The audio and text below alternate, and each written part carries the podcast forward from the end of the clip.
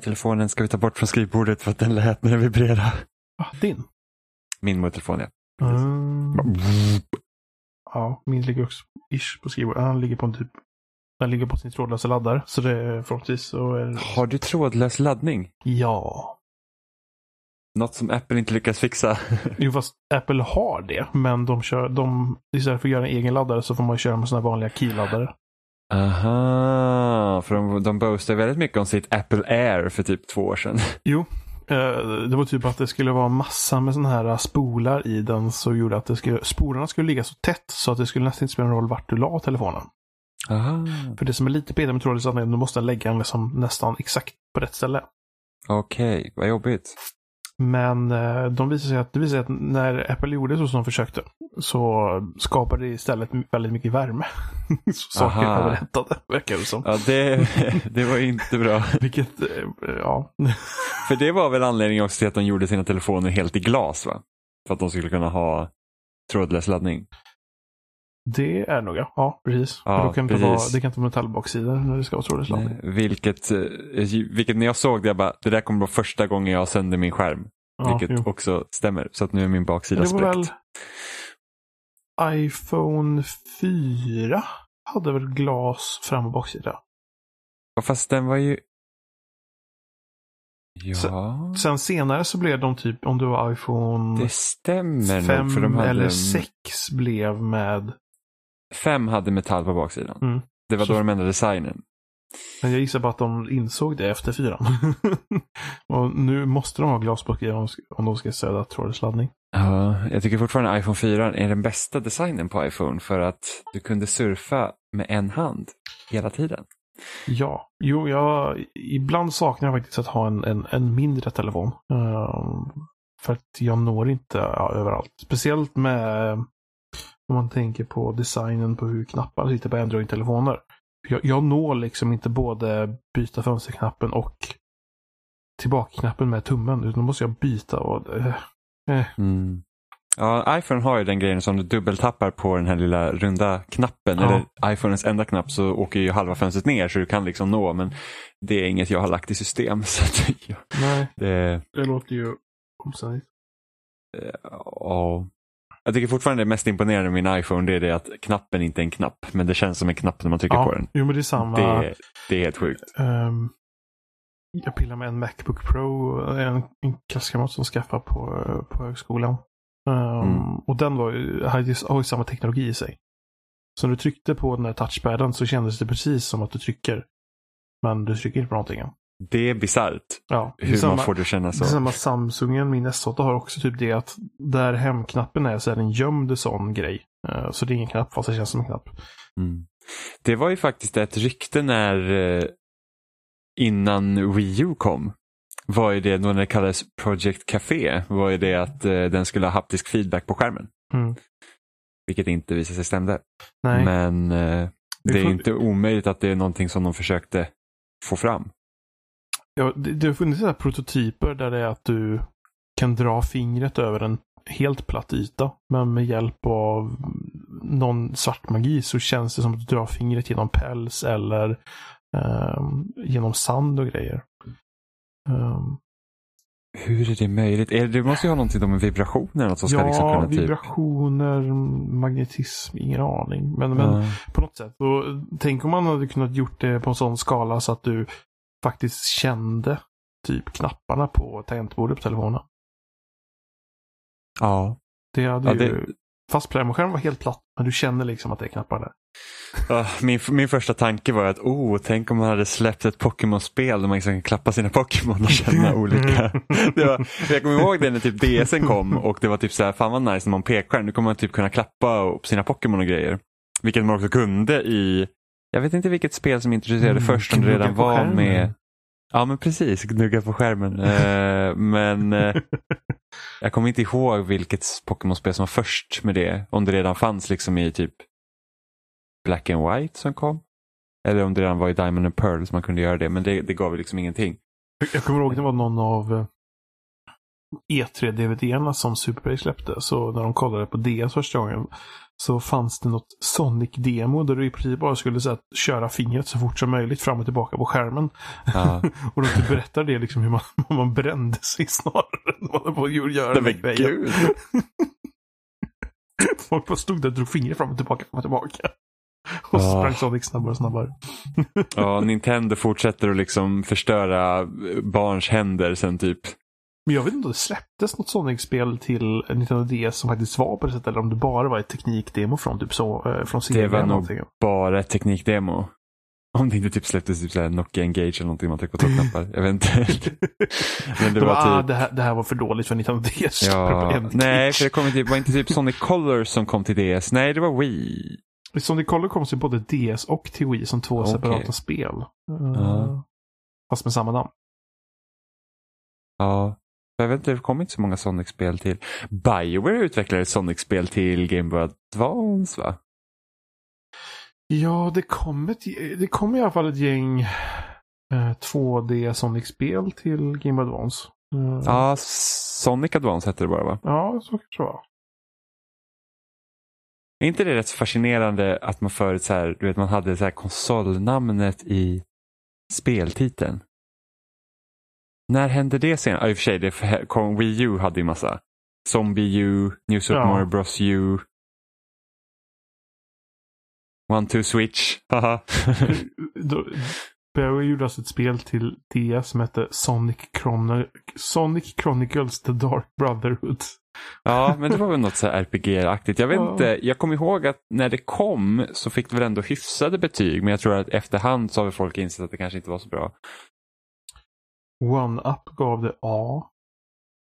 Det är väl näst högsta va? Ja, jag tror de har A plus också. Ja, det var liksom betygssystemet. IGN gav det 6,5 så det var väldigt spridda skurar. Oj.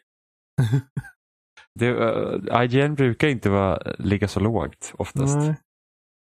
Men Sonic är en konstig karaktär så jag tycker han, det är alltid hit or miss med hans spel. Ja, Det liksom, det det, kan spelet som folk har gillat mest senast är väl den som var i princip 16-bitars spel. Ja, eh, Sonic Mania. Precis. Jag För kom inte förbi typ Metal Sonic-bossen. Generations fick väl inte så bra... om Generations tyckte jag var bra. Jo, men jag får mig att liksom, eller så, det kanske var lite spridda skurar. Problemet är att det går i 30 FPS. Knappt. Ah, Så att eh, det, det hade behövt flytta på betydligt bättre med tanke på att det ska gå fort. ja. Sen så kommer det här Sonic Forces som också skulle typ blanda Sonic, alltså nya och gamla Sonic och det spelet är verkligen vedvärdigt. Det recenserade jag. När precis nu Xbox One X var nytt och då hade det en X-patch, det skulle gå i 4K och allt är möjligt men det hjälpte inte det spelet. Det var alltså fy. Det, det, usch. det, det, var, det var jobbigt att ta sig igenom det alltså. Ja Och sen så- typ massa lootboxes och sånt som man ska vet. Alltså Oh. inte, jag tror inte man kunde köpa lootboxes men det här med att man slänger in lootboxes för att låsa upp liksom kosmetiska grejer det förstår inte jag. Jag tycker det är så jäkla tråkigt. Men det, det var typ- ju det att alla körde lootboxes. eller Liksom alla, så man skulle ju bara köra det. Ja, men, men alltså liksom tingen som typ det senaste Trials-spelet, Trials Rising, har lootboxes. För men- kosmetiska grejer. Och Men jag är alla, så här bara, alla, men alla alltså. coola kids kör med. Ja, jag fattar inte. Alltså, jag, alltså det är så här. Det är så. Det är så onödigt i Trials Rising så att jag öppnar inte ens upp de lådorna. Och då är det så här, alltså, va, va, varför? Va, alltså det är liksom, jag blir bara irriterad. Men nu börjar ju företag gå mer och mer bort från det. Så att eh, Gears 5 ska inte ha sådana lådor överhuvudtaget som fanns i Gears 4. Vilket var så himla skönt för att alltså, det, det var verkligen bara irriterande i Gears 4. Alltså, det, en stor del till att jag inte tycker om Gears 4 lika mycket som tidigare Gears beror på de där lådorna. Det är liksom så här att efter varje multiplayer-match så får man ju liksom lite typ guld eller eh, eh den valuta man kan köpa lådor för och den är så liten. Så att det är så här att ja, men alltså, efter en hel dags spelande kanske du kan köpa en. Oj. Det är liksom, alltså det är bara så här, man bara, åh, du vet, och sen matcherna är långa också. Så att det, är liksom, det är väldigt lite, och egentligen spelar det ingen roll, för att du kan fortfarande, det spelar ingen roll, du kan ju spela spelet utan att ha de här eh, lådorna. Du, du får ju liksom kanske karaktärer och lite skins och sådana grejer dem. Eh, men det är ändå så här bara skitirriterande. Jag tror det enda spelet som har lyckats väldigt bra med det, det är Halo 5. Där kunde du liksom spela en kväll och köpa ett par stycken guldpaket som är de bästa. På tal på lootboxes så uh, var ju EA och pratade i typ brittiska parlamentet eller någonting så, eller någon, någon kommitté eller någon grej. Ja. Ja, där de nämner att de kallar det inte lootboxes, de kallar det surprise mechanics. Ja. Vilket är ett sätt att liksom vinkla det för att säga att nej det här är inte lootboxes. Men de har ju... Det, alltså, jag tror till och med att de har kallat det lootboxes i alla deras spel tidigare. Det kanske inte står lootboxes, liksom specifikt lootboxes i spelen men när de har pratat om det så har de ju sagt att det är lootboxes. Det är jag helt övertygad. Om att det är det vad det, vad det har kallats liksom i olika sammanhang när de har pratat om sina olika system som de har. Så att, eh, vilket bullshit. Alltså, det, är så här, det ser ut som en lootbox, det fungerar som en lootbox, det är en lootbox. Liksom, vad, vad vad annars ska man kalla det? Liksom, det är okej, okay, men du kan kalla dina surprise mechanics. och sen liksom försöka spinna det på något sätt. Ja, men det, de är etiska och folk gillar dem. Så bara, jaha. okej. Det är liksom, ja, jag, jag fattar inte. Det, ja men visst, visst. Men det, som sagt, de pratar ju inte för en, en målgrupp där som vet om vad det är för någonting. Det är för några som inte har någon koll överhuvudtaget. Nej. Och då försöker man ju spinna det till sin men, fördel. Men, det men, nu vet jag inte alls hur, hur liksom det upplägget var överhuvudtaget. Uh, om de typ... För... Det känns inte så jätte... Hmm, källkritik. Säger, vi vet inte vad lootboxes är för någonting än. Vi bjuder in EA och låter dem förklara för oss vad en lootbox är. Ja, men det är ju jättemycket sånt när det kommer till spel. Och det var typ som... Jag tänker att man kanske borde bjuda in någon från något annat ställe. Eller så här, jag vet inte vem i så fall, men det känns inte så balanserat att kanske bara fråga dem. ja, men det, det, det som är så tråkigt med om man tänker i så större de här liksom, politiska saker överhuvudtaget eller liksom så här höga liksom instanser i samhället som, som bestämmer hur saker och ting ska fungera är att de vet inte hur tekniken fungerar som styr mycket av vår vardag. Ja, typ Vilket EU märktes i den här, eh, ja. ja. EU och hela den här eh, liksom, eh, copyright-direktivet och liksom när man hör svenska politiker prata om nej men det där ska algoritmer sköta. Jag och man bara, vilken, Ja men så här, det finns en algoritm för det. Vilken algoritm? Vad är tekniken? Det här är ingenting som existerar. Vet du hur det ska byggas liksom? Här, alltså allt som vi kan bygga liksom via kod kan ju potentiellt fungera. Liksom, vi kan ju i princip göra vad som helst med teknik ja. egentligen. Alltså i teorin kan vi göra vad men, som men, helst. Men, men, det är så att... men den, hela den grejen är helt absurd med det här med att man ska, ska få något, att du ska betala om du länkar till en sak. Ja. Vilket är absurt för du sitter där i princip och gör reklam för en sak. Ja. men, ja, ja, och det är liksom sen så här, ja, men om någon länkar till spelsnack ska vi få pengar för det då? Vår gratiska podcast, liksom, för någon länkar till vår sida. Exempelvis. Alltså, i, teoretiskt sett så hade vi kunnat kräva det, även om kanske ingen länkar vår sida. Men liksom så här, vi kan länka oss själva på Facebook. Ska de då, alltså, det, det, det är så himla konstigt. Eh, men det här med att man Alltså jag tycker det är så himla konstigt också hur viktigt det är egentligen att, att, att folk har koll på tekniken och så de som mm. bestämmer om det har ingen koll överhuvudtaget. Det är Nej. som när Mark Zuckerberg också stod inför typ deras Supreme Court eller någonting sånt och de frågar typ så här, alltså vanliga saker typ i internet fungerar och man ser på honom, han liksom ställer ni seriöst den här frågan liksom? Det, här, det är så här det funkar liksom.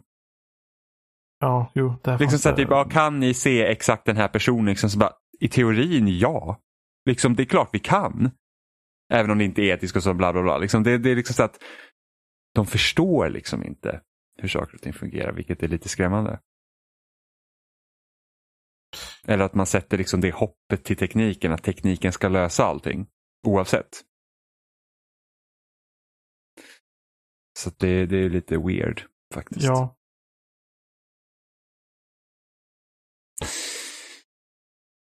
Men vi har väl spelat lite spel den här veckan också. Jag vet att du hade spelat eh, Lego-expansionen i Forza.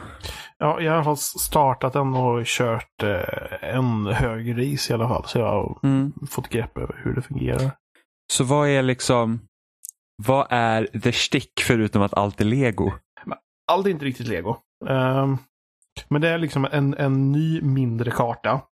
Mm. Där um, naturen i sig är som vanligt uh, gjord av vanlig natur. Uh, ja.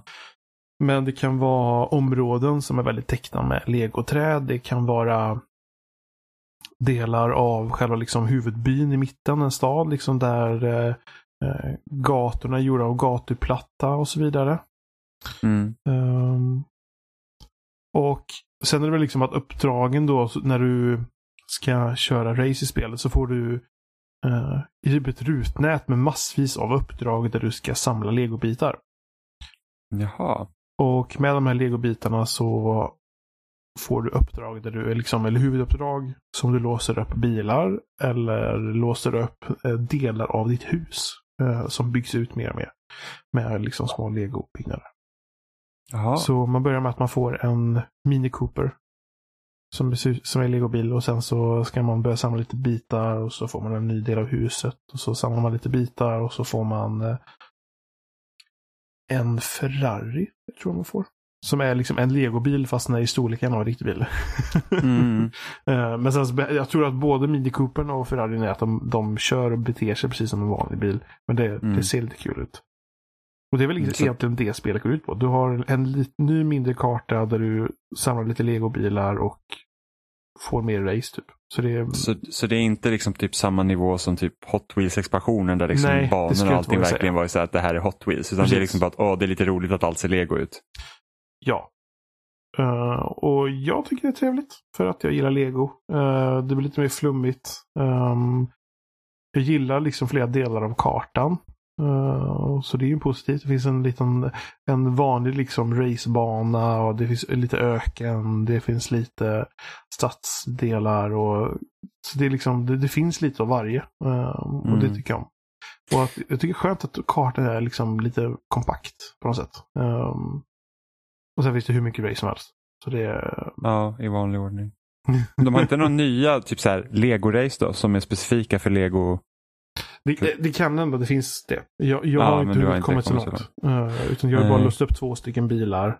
eh, och så. så det, och om man tänker på den här, det, det är liksom som ett, en yta med liksom uppdrag då.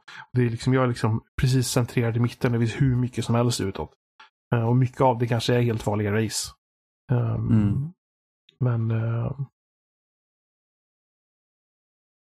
Jag tycker är synd att inte allt, exakt allt är lego. Det hade varit kul också så här gubb, alltså karaktärer man har skapat också så här en lego-version av sig själv. Liksom så, Ja. att man inte, så att man inte går utanför lego. Att Jo, allt det är, är liksom, verkligen när man lego. kör bilen ser man att det sitter legobil i och när man är klar med race står sin vanliga gubbe där liksom Ah. och, och firar racet. Det är lite konstigt. Ja. Ehm, sen tycker jag det är tråkigt att i den här, liksom, det finns liksom en liten fyrkantig stad i mitten. ehm, där liksom delar av staden har de här klassiska stora fyrkantiga vägplattorna som finns i lego. Mm. Men delar av byn har inte det. Så, vilket så det är liksom blandat med legoplattor och asfalt. Ja, Jaha. och jag tycker att i staden så jag tycker jag de hade kunnat köra bara på legoplattor. ja, Ehm, så det är lite flummigt. Jag, nog, jag undrar varför de har blandat det så. Jag vet inte om de, de tänkte att de, de kan inte bara köra på lego och därför kanske det är bättre om de blandar ganska mycket för att det inte ska se så ut som hårda kanter eller något. Jag vet inte. Men Ja. jag hade tänkt att jag hade inte brytt mig alls om att en stor del av kartan faktiskt var riktig miljö. Men till exempel om racebanan eller om eh, staden var liksom mycket mer eh, faktiska legoplattor och sånt. Mm. Så, så det blev lite mer som Hot Wheels. Att, att, att eh, man såg liksom, men här är ju faktiskt en Hot Wheels-bana. Man kör på liksom upp och ner och grejer. Ja, men precis. Ja, för att i Hot Wheels då var det nästan, nästan inga. Det var väl lite asfalt och sånt också tror jag, typ som kunde binda ihop de olika eh, liksom eh, Hot Wheels-banorna så att säga. Men till stor del så var det ju bara Hot Wheels.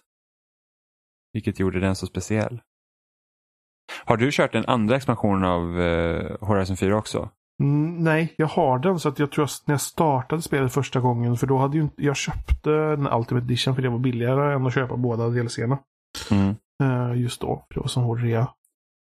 Och då startade jag spelet, då startar man i det området tror jag. Eller om jag åkte i det området bara för att testa. Men jag kör väl inte något längre där. Det är någon ö eller någonting tror man är på. Ja, känns det- lite... Är inte så här massa vädergrejer och sånt på den? Är det inte det? Ja, det är väl lite mer, mer kust och lite norrut tror jag. Jag vet inte om det ska föreställa... Jag vet inte riktigt vad det ska föreställa, men det, är lite, det känns lite mer nordligt på något sätt. Mm. Kanske norra Skottland eller något sånt. Ja, ja, jag, eh, jag klarar egentligen ut Metro Exodus. Faktiskt. Som det, det blir ju, under E3 så blir det med Game Pass. Mm. Jag har installerat på datorn, jag har startat och kört. Fram tills man ser tåget första gången typ bara. Så inte Ah. jättelångt. Jag känner väl att, alltså jag är väl glad att jag inte köpte spelet om man säger så. Eh, Inte för att det egentligen är liksom dåligt på det sättet, men jag tycker inte att det är jättebra heller. Eh, Stora skillnaden på det här spelet jämfört med både Last Light och 2033 var ju det att det här har ju med, alltså de lämnar ju i princip metron, eller de lämnar metron. Det är Mm. liksom det vad spelet går ut på, att de försöker hitta typ ett nytt hem för att man inser sig att okej, allt ovan, alltså allt som lever på liksom ovan jord är inte dött till exempel, Nej. utan det finns liksom människor på andra ställen. Eh, så tanken är liksom att man ska ju typ leta efter ett nytt ställe att bo på som är trevligare än den metro man kommer ifrån. Och jag känner väl lite att spelet förlorar lite av sin charm när man rör sig på. Alltså det är liksom så här, hela grejen med Metro var ju det liksom att du har ju metron att gå i och det där har du samhällen och det är det som gör den serien så speciell. Och när man lämnar det så är det liksom så att okej, det är liksom så här, ja nu, nu liksom, det, det är liksom mer som andra saker. Alltså, någonstans under metroytan så döljer sig ett väldigt bra Fallout-spel. Problemet är ju det att, ja, Fallout 3 och 4 då, och inte de tidigare Fallout-spelen. Mm. Eh, problemet med Metro är det att ingen av karaktärerna är speciellt intressanta. Eller det finns liksom inga intressanta side stories här. Och det är ju typ det som jag tycker är väldigt spännande med Fallout-spelen. Exempelvis. Eh, så, så att det faller liksom där att en stor del av spelet känner mig inte investerad i vad som händer. Och sen när jag typ kollar upp så här, ja men undrar vad kritikerkåren tyckte om Metro. Och alla bara så här, "Ah, storyn är så bra. Och jag är typ så här bara, va? Seriöst? är det det man tyckte om med spelet? Jag måste ju ändå säga att mot slutet när man liksom när man börjar inse då liksom vart storyn tar sig vidare, alltså det är så att okej det här är det vad liksom slutklämmen kommer vara på. Ja, då kan jag se att man säger okej nu får man helt plötsligt någonting att bry sig om. Men det är ju liksom typ 15 timmar tills man kommer till den punkten. Tills man liksom får den här, typ, de här karaktärerna, man känner liksom att okej nu finns det faktiskt någonting att, eh, att bry sig om. Det finns liksom en vad ska man säga, high stake i spelet helt plötsligt. Eh, det tar bara för lång tid att komma dit. Men sen, jag måste ändå säga att jag gillar för att det är inte helt open world som ja, men typ Fallout 4. Fallout 4 är verkligen så att du kan gå från den här biten av kartan till den här biten av kartan. Utan här är det typ spelet blandar öppna områden. Eller man skulle kunna säga så att de här kart, alltså en bana är väldigt öppen. Och sen så kan man typ göra, det finns typ sidouppdrag på vissa av dem. Du kan gå och liksom utforska eh, lite som du vill men samtidigt liksom, du behöver egentligen aldrig lämna din röda tråd. Liksom, det här är ditt mål för den här kartan. Så att det blandar liksom öppna nivåer med ibland linjära nivåer. Eh, så, att, så att typ första delen när man fortfarande är kvar liksom i Moskva då, där vart den metro som man har spelat i de tidigare spelen finns. Då, då är liksom den är ju väldigt öppen och sen så kan du komma till någon bana som så här, den är väl semi-öppen mer eller mindre men du går typ på en rak väg även du kan göra små avstickare liksom här och var. Så jag tycker den blandningen har de fått till väldigt bra vilket gör att spelet hela tiden liksom eh, byter ut olika liksom, moment så att det liksom blir inte så tradigt mellan varven. Även om vissa saker är roligare än andra om man säger så. Eh, men ja, så har de liksom crafting-system vilket eh, rör till det lite för att det liksom, du har konstant ont om ammo så att du har ju de här typ survival-elementen i spelet. Men speciellt när man kommer typ till sådana här mer linjära passager så kan det vara liksom väldigt irriterande att du inte hittar det du behöver. För det är så här, okej, jag fick slut på ammo mitt i någonstans, vilket gör att jag kan, och jag har ingen, jag kan inte crafta ammo. Mm. Måste, då måste jag hitta en arbetsbänk. Och ibland är det väldigt lång, liksom, speciellt på de liksom linjära partierna, för då kan du liksom inte gå tillbaks hur långt som helst. För att du säger, okej, jag är utan ammo nu. Förhoppningsvis har man då så en kompanjon med sig som kan typ göra det mesta av jobbet, men då springer man ju bara runt liksom och försöker liksom så här, man, eh, man manipulerar systemet att inte dö i princip. Mm. Så är, att är crafting liksom en, en modesak inom spel? Liksom, är det någonting som kommer stanna eller tror du någonting som kommer att ta av? För jag, jag, jag, tycker det känns som att det är liksom en sak eller en del av liksom öppen världssaken eller liksom en separat sak på något sätt som och det är så svårt att säga för jag tycker under de senaste åren så tycker jag det har förändrats så himla mycket. Det gick ifrån typ att vara Minecraft slash survival-grejen där ett tag. Ja. Till att ha blivit mer Saken som att det finns där för att det måste men du behöver typ inte bry dig om det. Som typ Odyssey. För att liksom skillnaden mellan typ Assassin's, oh, Assassin's Creed då, för de som inte vet. Eh, för skillnaden till exempel mellan Assassin's Creed Odyssey och Assassin's Creed Origins var att i Origins kände jag att craftingen hade mycket större del i det spelet. Liksom att du behövde typ crafta pilar, du behövde liksom jaga för att crafta grejer och sen blev det mycket, mycket mer simplifierat i Odyssey. Eh, du behövde inte jaga djur längre för att få typ så här djurhudar och grejer för att kunna göra vissa grejer. Utan, och jag kommer inte ihåg specifikt hur det hade ändrats men jag kommer ihåg att det var mycket, mycket mer förenklat. Vilket är skönt för att ibland vill man ju liksom inte Alltså det känns när ett crafting-system är där för att vara där snarare mm. än att liksom spelet bygger runt. Och jag känner väl att crafting-systemet, ja men som typ i Rage 2 hade ett crafting-system. Tror jag. Det är ett crafting-system också? Jag tror det. Bara det att jag liksom sitter och undrar, hade det eller inte visat att det var liksom totalt onödigt? Liksom det var så att, okej okay, det är ett crafting-system här, men varför? Eh, så att jag känner väl att liksom den här survival-grejen som kom från typ DayZ, Minecraft och det håller väl liksom lite på att ebba ut i AAA-spelen och gå, har gått mer mot den här RPG för att gissa vad man kan ha om man har ett RPG? Jo, man kan hitta massa loot och med loot kan man hitta lootboxes exempelvis. Så att, så att, vi har rört oss mer mot den nivån, liksom att ah, nu är det så epic gear och det finns rare gear och sådana grejer i spel som inte behöver ha det. Jag tänker typ Alltså det här med att, liksom att man ska typ hitta, jag tror det är så i typ Far Cry. Och det hade väl inte Rage 2? Det var väl inte så att du kunde hitta så här, typ, åh här är bättre version av ditt vapen du ska byta ut. Utan du kunde typ uppgradera dina vapen men det är fortfarande de vapnen du har. Vilket jag föredrar. Så här, gör den gearen du har bättre än att du ska ha typ en miljon vapen så du kan bara byta mellan. För det, mm. det, jag tappar intresset. Om det typ inte är som Borderlands. För liksom det, det så här, hela det spelet bygger kring att du ska hitta bättre vapen. Eller typ jo. ett JRPG där man liksom, ja ah, men den här har typ fem mer i damage. Det tycker jag är okej. Extrem, extrema loot-spel det blir helt annorlunda. Då... Mm.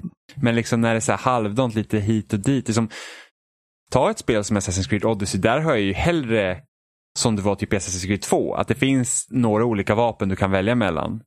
Och sen vill man ha då att man ska få det bättre, låt mig uppgradera det vapnet någonting så här. Låt mig köpa något som gör det här bättre eller låt, liksom på den nivån. Eller låt mig bli bra med det här vapnet. Som typ Sekiro är ju skitbra för du har ditt svärd. Det är ja. det du har. Bli bra med det här vapnet, bli bra med det här, på det här systemet.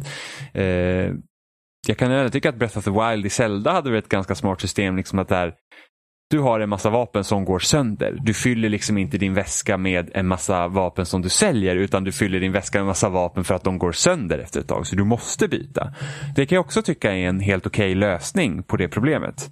Så att du måste liksom det är värt för dig att plocka upp vapen i Zelda för att de går åt. Istället för att ja, men ta typ nu när vi har spelat Borderlands 1, liksom, vi kan ju plocka upp hur mycket vapen som helst men liksom, det är inte som att vi byter ut alla vapen hela tiden. Det är okej okay, de här vapnen är dåliga, så de säljer vi sen. Mm. Men du får inte mycket bättre vapen. Så att det är liksom jag känner liksom att många spel lånar väl saker från andra genrer för att de känner att de måste ha de där snarare än att det gagnar spelet och då blir det så här att okej okay, varför ska jag bry mig om det här systemet? Alltså jag tycker ju om när saker är lite simplare än att vara onödigt komplicerade för sakens skull. För att jag, är, jag, jag, kan vara så att jag orkar inte lära mig det här. För att det är inte tillräckligt enkelt för mig att lära mig det. För att det finns hur många spel som helst. liksom. Och jag vet att kanske många tycker att det är irriterande. Så att, ja, men jag, jag spelar kanske två, tre spel om året så att jag vill liksom här är ett system jag kan bara gotta ner mig i och sen så kan jag liksom lära mig det. Medan jag är typ så här bara att okej, okay, det här är för krångligt för mig att lära mig. Hur kommer jag absolut enklast liksom undan i det här spelet för att kunna ta mig igenom det? Så kan jag känna. Jag känner väl att, att, att, att crafting-saker överhuvudtaget är någonting jag lätt, jag lätt tröttnar på. Jag, jag, jag, jag har ju spelat rätt så mycket Fallout 4.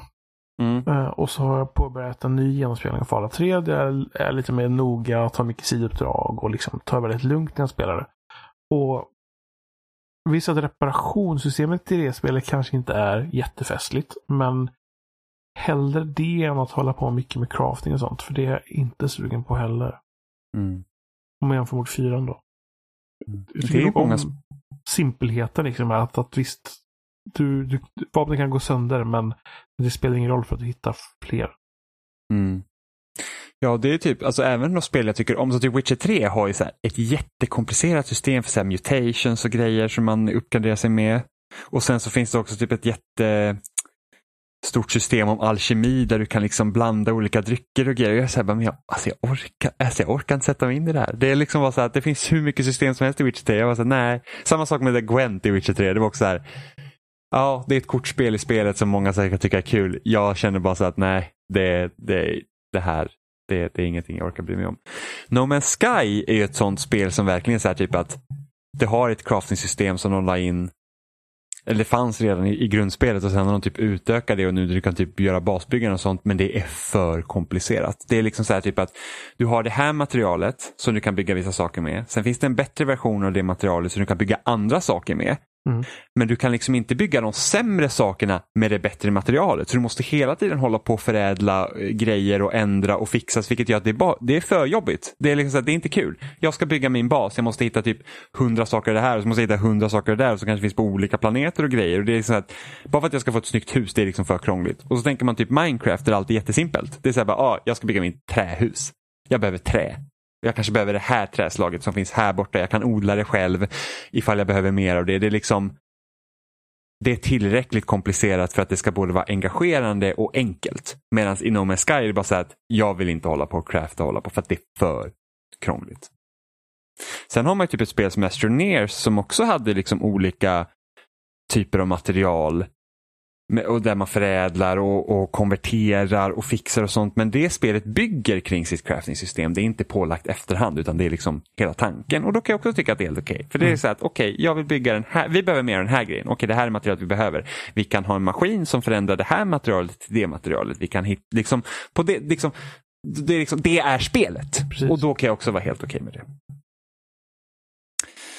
Men eh, men Metro Exodus är väl helt okej. Okay. Gillar man Metro-spelen helt mycket så tror jag inte man blir riktigt besviken på det. det. Det är liksom, som sagt, hade det varit bättre skrivet, hade det varit eh, kanske intressantare karaktärer så gömmer det sig ett väldigt bra Fallout-spel bakom det. Men samtidigt så det är typ, det är ett av de mest klumpiga shootersarna jag har spelat den här generationen. Alltså det känns inte alls bra.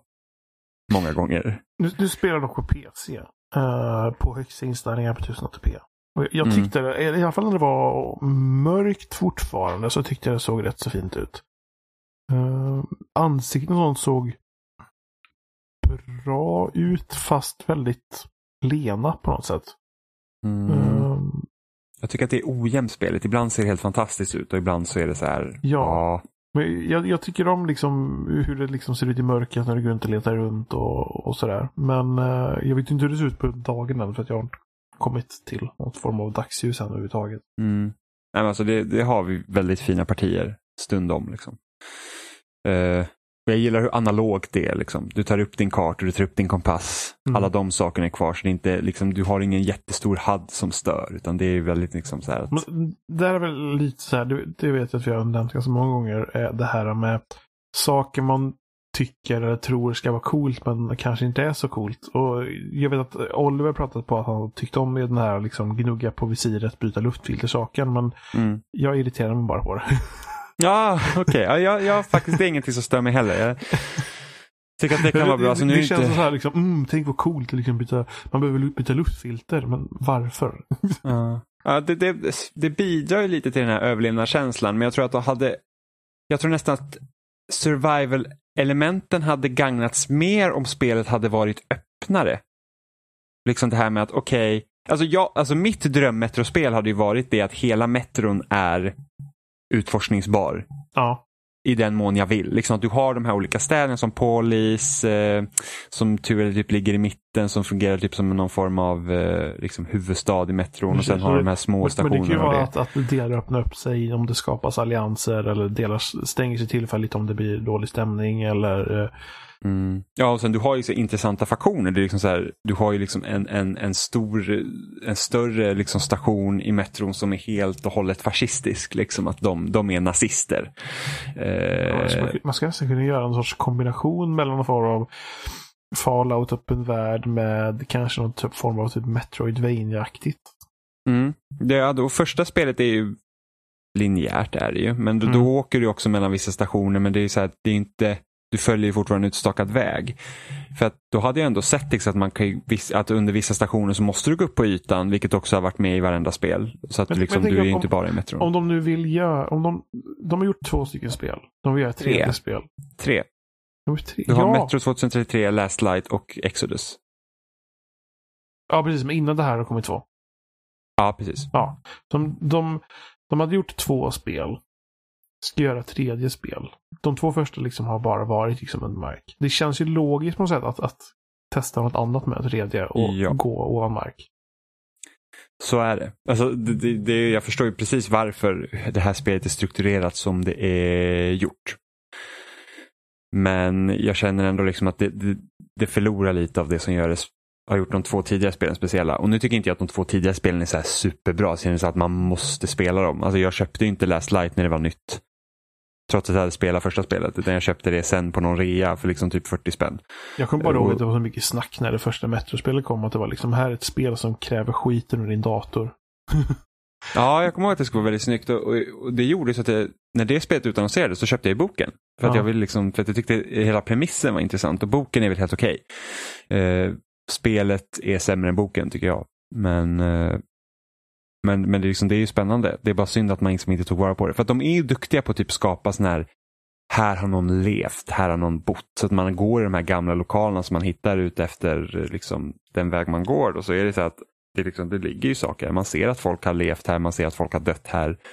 Det, är liksom, det känns som någon har, det, alltså det känns som någon har bott liksom, i det. Och så Mm. var det med Metron också när man gick igenom här liksom, mellan spåren och liksom de här olika liksom, husen de man har byggt här nere. Att det, det verkligen kändes som att här bor människor. Men att de inte har, att, att de inte lyckats på något sätt att... För, det- för det känns ju som att de har vissa saker som kanske skulle, skulle kunna vara bättre. Liksom. Du pratar på liksom eh, karaktärer och, och sådana saker. Och att de inte liksom har blivit bättre på den aspekten. Men de är fortfarande liksom bra på hur saker ser liksom bebott ut. Ja, ja, jag, jag vet inte. Alltså det... Jag tror att mycket jag stör mig på också att huvudkaraktären har ingen röst. Folk pratar till karaktären, han svarar aldrig. Även om Ja. man har en röstskådespelare för att han pratar i laddningsskärmarna. Vilket är så himla konstigt. För att det är så här typ att åh, de pratar till mig. Och det är liksom så här, då ska det vara så här, men han är en tyst protagonist för att jag ska kunna relatera. Men det är bara att jag relaterar inte till honom. För att ett, jag relaterar inte någon till karaktärerna. Och han svarar ju aldrig på de andra karaktärerna. Vilket gör också att det blir så här att, aha, varför ska jag typ bry mig? Liksom det blir den, det blir som dissonans för mig. Men är det någon grej eller är bara att de inte vill? det känns som antingen så kör de den här uh, Half-Life 1-saken. Eller om de bara vill Half-Life-saken överhuvudtaget. Mm. Jag, jag, jag, jag, jag tror att de liksom går efter det att man, att man har lättare att relatera till en karaktär om den inte pratar när man spelar i första person. För att det, är liksom, det ska vara jag då som spelar. Men jag tycker inte riktigt det funkar. Och de andra karaktärerna påpekar ju att man inte säger någonting. De bara, ah, du pratar inte så mycket va? Och man bara, nej. Men jag vill. Jag vill säga någonting. Liksom. För att det, mycket av spelet går ju liksom ut. Men det är typ så här, ta typ Wolfenstein. För att jag känner liksom att det här spelet vill väldigt mycket vara ha liksom samma emotionella punch som Wolfenstein för att, för att eh, du har liksom då relation till du, din fru som du har i spelet som heter Mm. Anna. Liksom. Så det, är, en- det är en väldigt stor grej men det är bara det att det är så ensidigt så att hon pratar till dig och, kan, och, min karaktär svarar aldrig. Medan i Wolfenstein så att relationen mellan Anja och eh, Blazkowicz är ju hela det spelets grej. Och det är ju för att den karaktären också svarar på det som händer. Man får verkligen vara i huvudet på BJ. Man vet vad han tänker, man vet vad han känner. Hade han varit en tyst protagonist då tror jag att det spelet också hade fallit platt. Då tror jag inte att man, alltså man sa okej, men han bryr sig om Anja liksom, men okej, kul för honom. Liksom, men jag vet ju inte vad min karaktär känner. För att Nej. om man då inte lyckas få mig som spelare att bry sig om den karaktären jättemycket. För det går ju också, liksom, jag vet att folk som har spelat Half-Life 2 bryr sig jättemycket om Alex. Fast Gordon Freeman inte säger någonting. Men då tror jag man har skrivit spelet på ett sånt sätt också. Som gör att det, det kräver inte att spelaren svarar på det sättet. Som jag tycker att Metro Exodus faktiskt kräver. Nej, de, de håller sig borta för att sätta karaktären i den sitsen på något sätt.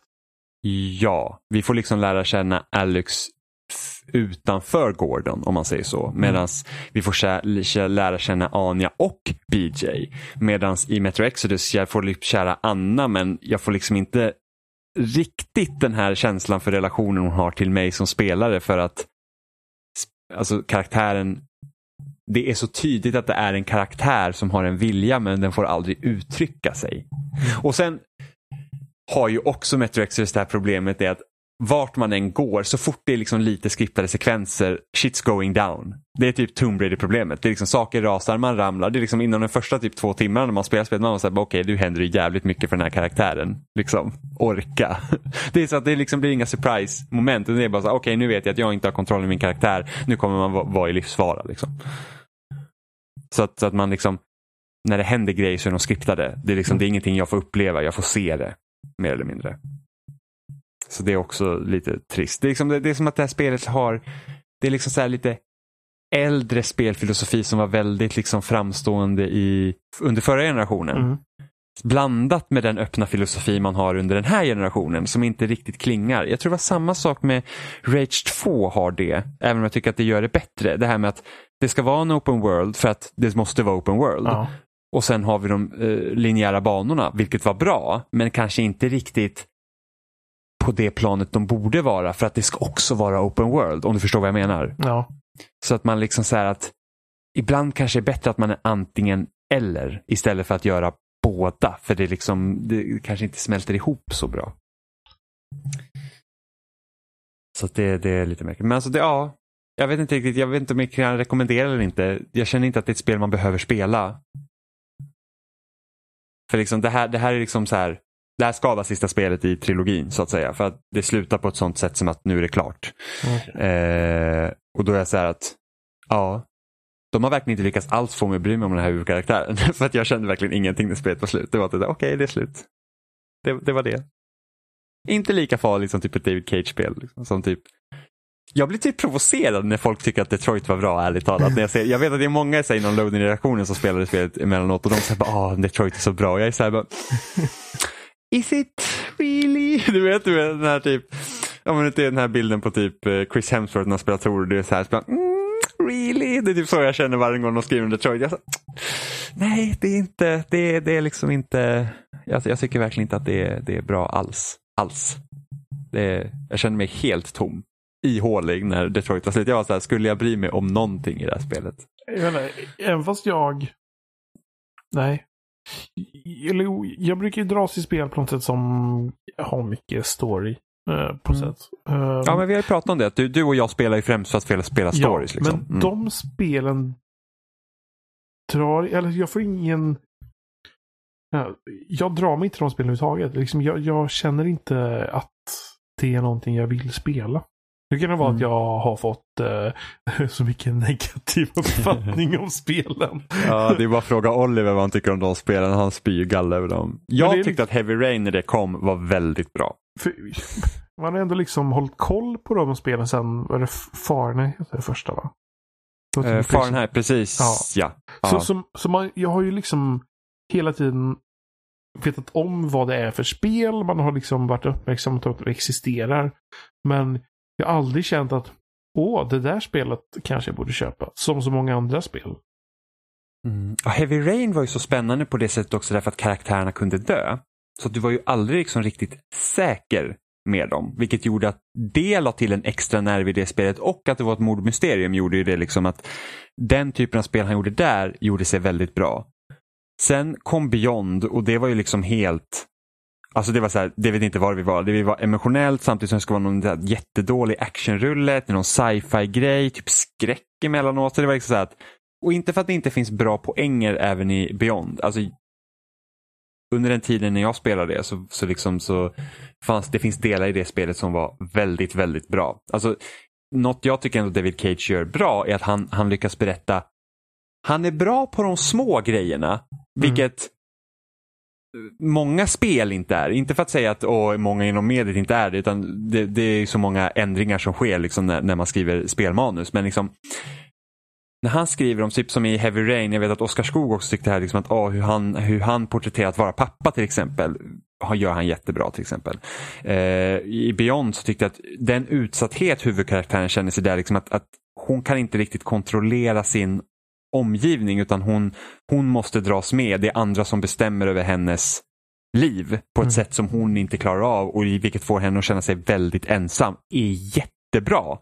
Och sen så helt plötsligt man liksom i typ Afghanistan och så bara nu ska man ha ett emotional moment och självklart ska hon försöka typ ta livet av sig för att av någon anledning. Liksom man, det, liksom, det bara händer grejer helt plötsligt. Eh, så att det skiftar ju väldigt mycket. Och sen kommer vi till Detroit. Vilket jag kände bara så här att jag köpte verkligen ingenting i det spelet. Det var verkligen så här att ah, man liksom Konceptet är så intressant. Det är så att, vad, vad är en människa? Alltså det är sådana frågor som spelet kan ställa sig. Vad är en människa för någonting? Ja. Vad, vad, vad, är, vad, vad ingår i att vara människa? Och så har vi liksom robotar som inte är människor och de helt plötsligt börjar liksom få kontroll över sig själva. Och liksom så att det hade varit jätteintressant att utforska. Liksom, vad betyder det att vara människa för en robot? Och så går de typ in så här, nej men låt oss typ göra det här som handlar om typ klass och ras och låt oss helt kopiera liksom eh, den rörelsen som skedde i USA med Martin Luther King så att det liksom blir typ nästan parodiskt. Där det inte är menat att vara det och man vill bara säga, alltså ja, det här, det, det blir typ lite osmakligt till och med. Eh, så att det, det är liksom synd att han vill liksom för att när David Cage pratar så säger han så, ja ah, men spel ska typ, det ska handla om känslor och man ska liksom kunna liksom säga saker och bla bla bla. Och sen så typ hoppar han liksom pladask in i liksom Hollywood actionfilm. Och man var så här, but why? liksom, varför gör du så här? Det är liksom helt, ja, ja, det är banalt, det blir banalt. Så att, eh, ja. Men men jag är alltid intresserad av vad han gör i spel ändå. Det är så att när, när de utannonserar nästa spel så kommer jag ändå vara så här, oh, det ska bli kul att liksom se vad det är för någonting. Jo, men, även fast man kanske inte gillar allt en person gör så kan vi se det som att han pushar i någon form av riktning ändå. Det kan ju vara Alltså, intressant. Ja, alltså nu tycker jag i och för sig att nu har han ju fastnat i sina ljusspel. För att Heavy Mm. Rain, Beyond och Detroit spelas alla likadant. Okej. Så att det är så att, okej, men vad, vad, hur, ska du liksom, hur ska du ta det interaktiva? Liksom, hur ska du ta fram det interaktiva nästa gång? Eh, det är lite samma sak som Telltale hamnar i. Liksom, eh, hur de gjorde Walking Dead säsong 1 var ju liksom väldigt spännande. Hur de berättade storyn och samtidigt liksom knöt ihop det med de, så här, de äldre äventyrsspelen. Och sen så blev det ju nästan så att ja, nu har de sin formula. Och de bara drog ut, alltså deras spel blev mindre och mindre interaktiva. Det blev nästan så här, välj du får enbart välja dialog i en cutscene, blir ju till slut deras spel. Och jag tycker att när man tar bort, när man tar bort så mycket interaktivitet, då förlorar man någonting i det. För jag, ju, ju mer av det interaktiva försvann i deras spel, ju mindre investerad blev jag också i storyn. Inte för att någon av deras liksom, spel kom ens i närheten av första säsongen av Walking Dead, ja, förutom typ eh, Borderlands som de gjorde. Tales from the Borderlands. Eh, så blev det liksom så att okej, men nu liksom sitter jag, jag sitter och tittar på en halvtimmes lång film och Mm. väljer dialog mellan varven. Eh, vilket gjorde att jag kände, man, man, man, man tappade också för man tappade också feelingen för de olika karaktärerna som kom för att i första säsongen av Walking Dead då var det ju ofta så att ah, men nu är vi på den här gården till exempel och så ska vi lösa något pussel men samtidigt så är de andra karaktärerna man reser med också här. Du kan gå och prata med dem om du vill och få reda mer om dem och det Mm. försvann ju sen. Utan då blev det så att nej, du får bara veta det här och den här karaktären som vi väljer att visa för dig. Du kan liksom inte välja själv att gå dit eller själv att försöka fördjupa någon relation med dem utan det är liksom det, det, det här visar vi för dig och det, det är allt. Vilket gjorde att de kändes också mycket mer simpla helt plötsligt. Eh, vilket blev väldigt tråkigt. Och vilket jag tror många också tyckte för att det är liksom ju mer de liksom bara drog liksom att det här ska vi göra och det här är vår formula så blir folk mindre och mindre intresserade. Men har du sett NoClip-videon? Ja, det har jag gjort. F- För där förklarar du ju som att, att de kunde eh, speltesta en sak eller eh, kom med idéer och så sa någon person högre upp att ja, men jag tycker att det här, det här borde vi göra. Ja, precis. Och alla var helt bara Va?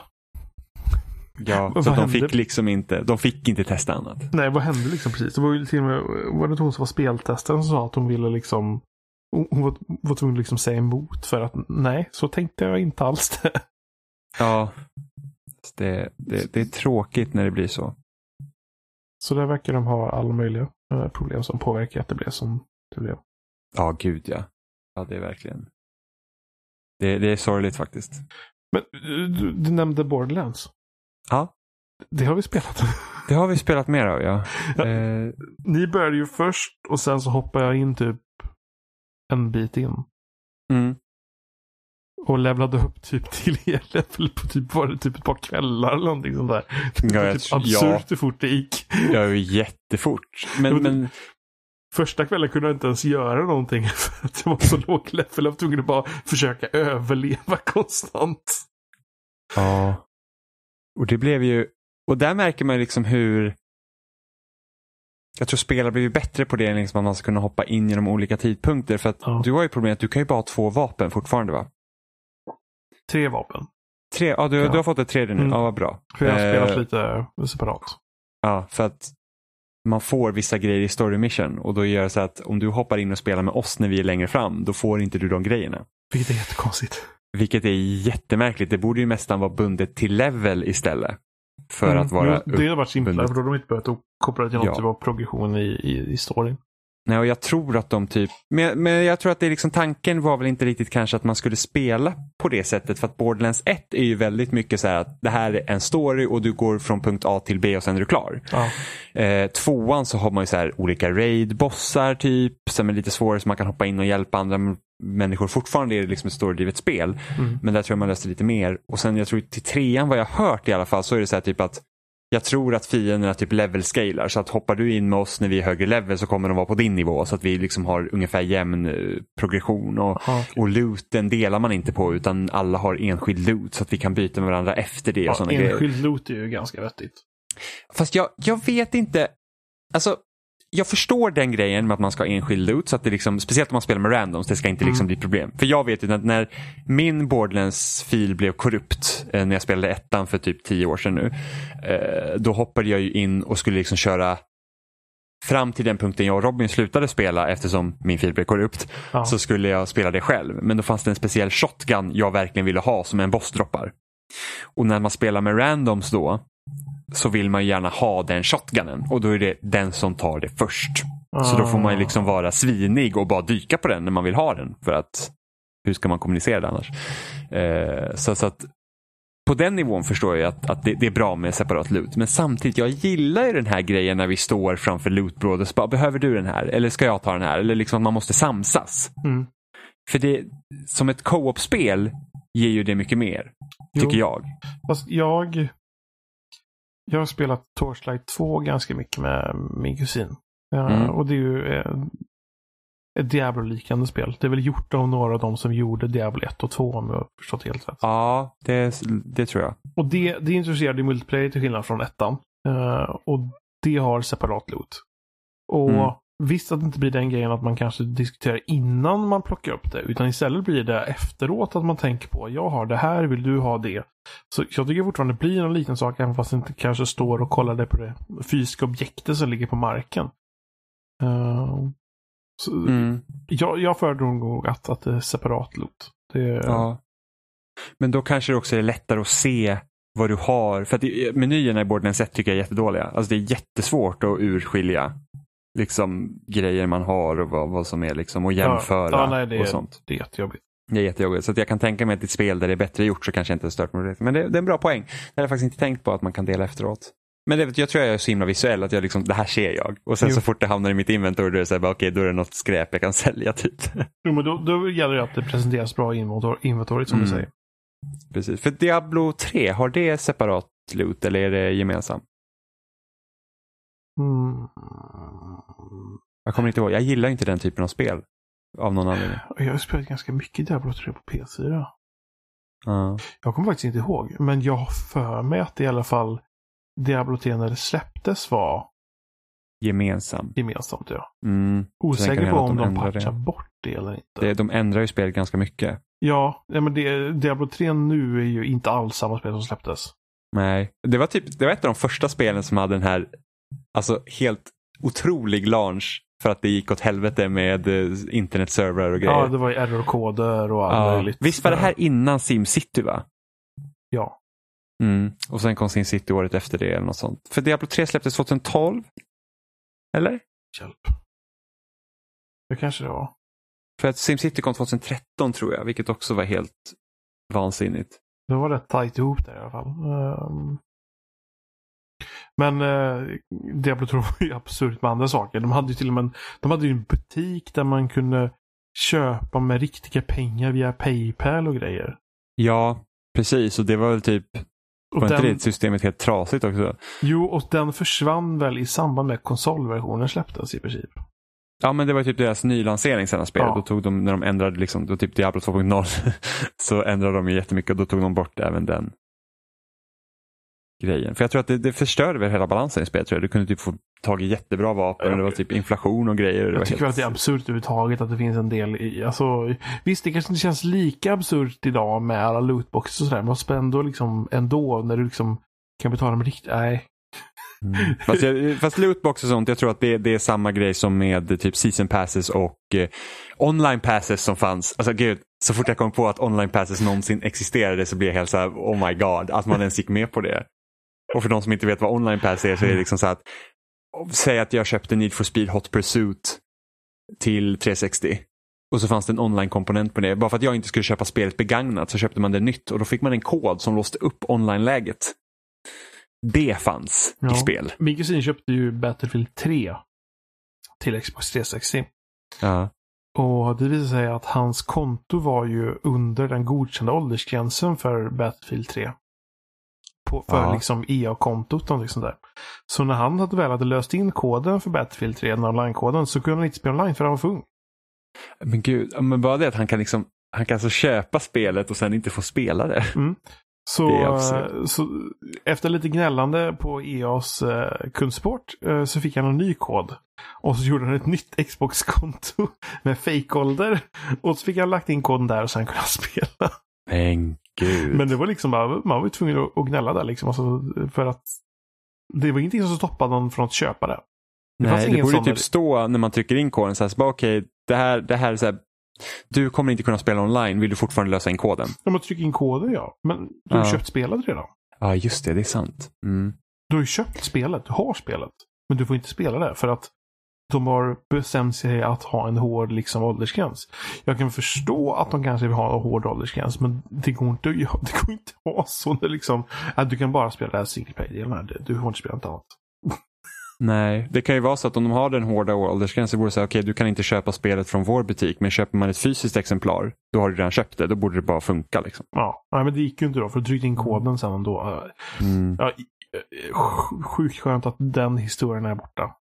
Ja, gud. Men alltså det, det är mycket, alltså, mycket spännande grejer för er generationen liksom, när Jo, digital det, det var ju någon var nytt. över, liksom. övergångsgeneration liksom. Att, att Och vi är fortfarande spel, inte där. Nej, men digitala spel fanns. Men det var ingen som köpte dem liksom.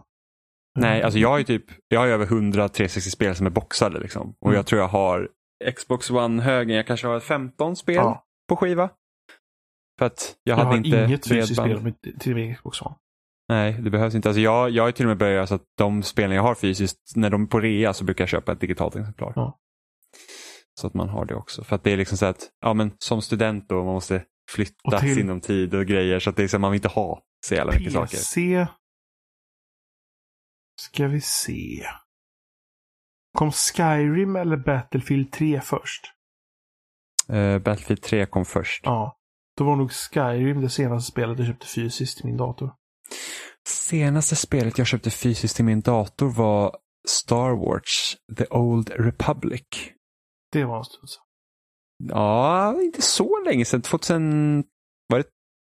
Nej, det var också 2011 eller 2012 kom det ut. Så det är inte så länge sedan det heller. Ja, Eh, MMORPG-spelare. MMO, ja precis. Ah. Det är nog det senaste fysiska PC-spelet jag köpte. Lever det fortfarande? Ja, det gör det. Jag vet inte hur dock. Alltså hur många som spelar, men det, det ska det fortsätter. Det är väl typ ett av de jag tror att det är ett av de större MMO'n som pågår just nu. Ja, Elder Ja, Scrolls så finns World ju... of Warcraft. Ja, World of Warcraft är, måste väl en av de större fortfarande. Jag tror fortfarande att World of Warcraft är och, ja, kanske inte det största för att det finns säkert något eh, liksom MMO från Asien som alla kineser sitter och spelar. Men, I eh, väst då. då. Ja. men i väst så är det nog World of Warcraft fortfarande. Och tänk, alltså det är helt absurt liksom, hur länge World of Warcraft, alltså nu pratar inte man så mycket om World of Warcraft längre, liksom ingenstans i media. Nej. Men liksom när det var som störst, det var fan stort alltså. Det var många, många år. Det var lite snackis på jobbet när den senaste expansionen släpptes. Sen har det varit lite snack inför Classic. Men det är ju bäst att man snackar om att folk kommer börja spela Classic och sen kommer inse hela grindigt är. Sen kommer alla sluta spela det. ja, alltså, ja, om, om, om de hade sett World of Warcraft i konsol då hade jag spelat igen. Du vill Ja, inte men jag- spela på din dator? Nej men alltså jag tycker, jag, jag, alltså, då är jag kär att då hade man kunnat sitta i party med någon annan som spelar något annat, du vet. För att eh, de flesta jag känner sitter och spelar på Xbox. Mm. Och då det, kan det, liksom, som, det är det som är bra på, på PC nu. Du kan ju sitta i, i party. Jag vet, men det är så att, och då måste jag koppla in den här mikrofonen. Det är liksom, jag har ett enkelt headset till Xbox. Jag har deras egna headset. Det är liksom Jo, alltid så jo. enkelt. Jo men så här. Om du skulle ha den här eh, PC-adaptern eller en blåtandsadapter om du har tillräckligt med Då Mm. skulle du kunna ha en Xbox-kontroll vid din dator. Ja men det vet jag, för att det, det, var så jag, det var så jag spelade Anthem. Jo, precis. Och sätter du in ett headset i din kontroll så blir det ett ljudkort. Ah. Fast jag tycker inte om att spela med min dator. Alltså. Det var så. Jag vet inte, det är någonting med så här, det är inte, inte samma sak. Sen så sitter jag mycket skönare vid eh, i soffan. Jo. Men jag har ju en HDMI-kabel som jag kopplar mellan tv och datorn. Jag köpte ett trådlöst tangentbort för att jag skulle tänka att jag kan använda datorn vid tvn. Du vill köpa Men- sådär, äh, det, det finns ju de här äh, soffgrejerna typ. Så att du, det är som en, en stor bräda du har vid knät med tangentbord och musplatta typ. Ja. Problemet är bara att min Samsung-TV är inte riktigt kompatibel med dator. För att det är någonting med typ någon upplösning 4K-grej som gör att den flimrar. Ja, det, det det, liksom- det går säkert att ställa in rätt på något Det sätt. ska gå att lösa. Jag har gjort det en gång. Det är säkert hittade någonting, antingen med bilduppdatering eller någonting sånt Ja. där. Jag hittade en jättebra guide på internet. Enkel googling. Fixade när jag skulle spela Mario Kart Double Dash på emulator. Skitnöjd. Och tänkte, ja men det är lugnt, jag behöver inte spara den länken, det var ju så enkelt att hitta. Har inte hittat den igen. Och jag, och jag har försökt fixa felet och liksom, det, det, bara går inte. Så att, och, och så här, är det något jag hatar det är när saker inte är enkla som borde vara enkla. Men jag gissar på att det är en sån flummig sak så att du behöver inte sälja in det. äh, Det är säkert att du måste sälja in det från båda håll. TVn måste säljas in på någon grej och datorn måste säljas in på någon grej. Mm. Jag tror säkert jag måste ställa in så att den får in... Nej men vänta, den går in i min receiver så den ska inte gå upp i 4K. Nej, eller var det tvn? Jag kommer inte ihåg. Jag måste säkert ställa in här på tvn att så här, du ska inte vara 4K HDR, du ska vara simpel tv och datorn ska känna att du ska köra ut i kan- 1080p Kan du inte koppla 4K. datorn direkt in i tvn istället för via receivern? Eh, jo men jag, jag, det var nog via tvn för att jag har inte en 4K-receiver så att, eh, det måste ha varit via tvn. Ja. Men det var ju så kul att köra Mario Kart Double Dash 4K. Vilket Det- jag gjorde, så att jag löste det på något sätt. Det var ju det. Det går nog att lösa om man har energin att leta upp Jag det. vet, men det är så här, som sagt, det ska inte behöva lösas. Det ska fixa sig självt. Det ska Jo. bara vara plug and play. Det är det känner. jobbiga med, med eh, skärmar och eh, alla nya refresh rates och upplösningar och hit och höger och vänster. Ja. Det är inte som att det blir färre. ja, men tagga Scarlett, eh, Johan, när vi ska få spela i 120 FPS. Det är inte som att alla spel går i 60 idag, vet du. Jag stör mig jättemycket på när de slänger runt siffror sådär när man vet Ja. att det där kommer inte vara någon verklighet. Samma så här, och folk liksom bara, det går i 8K och man var så här, ni har bara 8K där för att dumma människor bara tänker det är dubbelt så mycket som 4K, fan vad coolt. Ja, nej, men jag, jag vill... Det var samma sak övergång till den här generationen. Håll nere upplösningen och uppe bilduppdateringen. Man sitter Ja. så långt ifrån sin tv så det är okej om det är lägre upplösning. Jag dör inte. Än Nej, det är fast- liksom trevligt. Jag vill, jag vill ha bra bilduppdatering. Vad blir Ja. det? Jo, det blir 30 FPS överallt igen. Ja, det är faktiskt skitstörigt med Crash Team Racing som släpptes nu. Som Är jag det har 30? Det är 30. Och det spelet hade behövt vara i 60. Jag känner bara det, det, liksom, det känns jätteweird att spela det. fel. När det inte... Ja, det är fel. Det känns, och det är så här att, och, och jag har ju Xbox One X. Och då tänkte jag så här att det kanske går att ställa in någonstans att jag kanske vill ha lägre upplösning men högre FPS, men Mm. nej. Och jag skulle, det enda anledningen till att jag tänker att det är så, det är för att baskonsolerna, alltså original Xbox One och PS4, inte klarar av 60 oavsett. Så att eh, då får ingen annan ha det heller för att det ska gå att spela online. 60 oavsett. Nej, men att de, de kan inte optimera spelet för de lägre Ja. konsolerna så att de har 60. Ja. Därför får inte jag välja det på min X. För det är skitstörigt. Det är liksom så här att det spelet hade flytit. Det spelet är väldigt roligt by the way. Ja, men racingspel överlag. Det måste vara 60. Alltså, jag kör faktiskt Horizon 4 i 30. Jag har det på högre upplösning. och Ja. lägre FPS. Och det tycker jag fungerar väldigt bra. Men det är också för att det fungerar väldigt bra. Ja, jo, nej, nej jag, vill ha, jag vill ha 60. Men liksom det, det händer mycket i Crash. Det, är liksom, det, det, det kommer items och det är st- hastiga svängar och grejer. Så det hade, det hade, jag tror att det hade känts så mycket mer responsivt om det hade varit i 60. Vilket jag känner att det hade behövts. För att det är, det, det, det är något som inte stämmer känns det som när man spelar det. Vilket är lite synd. Mm. Speciellt när man spelar så här Mario Kart och går i 60 liksom. Eh, Men Crash är kul. Jag har inte spelat tillräckligt mycket för att ha något jätteomdöme. Det, det är ett gammalt spel vilket för att det är för jävligt svårt. det, det, är liksom, det känns som att så här, för att jag är typ, det enda att jag spelar Crash Team Racing på Playstation 1, det var typ på Finlandsbåten och då har inte jag kört något race på det utan man har ju bara kört i, uppe i Overworld liksom grejen för att Mm. man har liksom en liten karta som man åker till banorna istället för att välja en lista. Eh, och det är det enda jag spelar för jag förstod nog inte hur man skulle åka in på en bana eller ens att det fanns en bana att åka in i utan man har bara åkt runt där. Men eh, nu har man testat på det mer och det är liksom så här att det jag gillar med spelet jämfört med Mario Kart då, och jag älskar verkligen Mario Kart, det tror jag inte Mm. att det undkommer någon som har lyssnat på den här podden, eh, är att det krävs skill att köra. Det är liksom när du boostar eller när du slidar i spelet så kan du även liksom boosta under sliden tre gånger, komma ut ur boosten, börja slida igen för att boosta ännu mer. Så att du kan i teorin ha kontinuerlig boost genom hela varvet. Exempelvis. Och det är inte möjligt i Mario Kart. Det är liksom det är jämf jämförelsevis med hur typ Mario Kart DS och Mario Kart Double Dash hade med snaking. När man kunde liksom vicka på spaken för att få bättre lågor när man slidar. Vilket också gör att man får en boost när du går ur sliden. Mm. Så att man kan köra det manuellt. De senare Mario Kart har gjort så att ja, ju längre du har sliden så kommer du få en bättre boost men du kan inte själv påverka. Här så kan du påverka själv hur mycket boost du ska ha och du får boost när du hoppar och, och du kan samla frukt vilket gör dina power-ups starkare. Så det är liksom det är mer skill involverat i det här än Mario Kart 8. Det krävs mer av dig som spelar, vilket jag gillar. Sen tycker inte jag att det känns lika bra att köra som i Mario Kart. Men det är en annan sak. Men det, det, det ska bli kul att, att dyka ner mer i det här spelet faktiskt. När jag har tid. Men det är, så här, det, det är ett bra spel att ha mellan varven när man, när man liksom säger att okej men nu har jag spelat Metro Exodus och jag orkar kanske inte köra något storydrivet. Så att nu kör jag lite Crash. Så att det är kul. Men det är svårt som fan. Alltså bottarna är relentless. Alltså de är helt galna. Jag kör på medium liksom. Man var så här typ. Det, alltså när man inte kunde riktigt slida i början så var det så här att okej, det är typ Alltså de, de hänger på en så jävla hårt. Det var så att jag kom tvåa på så här, en bana på en minut och 54 sekunder hela liksom, de tre varven man körde. Och, och, och, och, och när jag körde det om, för att jag ville vinna såklart, då kom jag in på tvåa på 1.50. Så att det var ju en jävla skillnad på fyra sekunder där hur alla kunde spela, plötsligt köra så jävla bra. Liksom. Så att det, det, det är lite sånt som pågår i det spelet. Sen när man blir bättre så kommer man ju såklart kunna liksom köra förbi datorn så att säga. För att Mm. den kan inte hålla efter hur mycket som helst. Men när man är på den nivån som jag är just nu då, då håller de fan i alltså. Det, det spelar ingen roll hur bra man kör emellanåt. Så de, de, de ligger där och såsar. Mm. Så att eh, ja, det, det är tufft. Men det, det är kul med lite kartracing. Men jag säger, alltså när ska Nintendo släppa Mario Kart 9? Det undrar jag. Nu, nu är det fan länge sedan Mario Kart 8 kom alltså. Ja.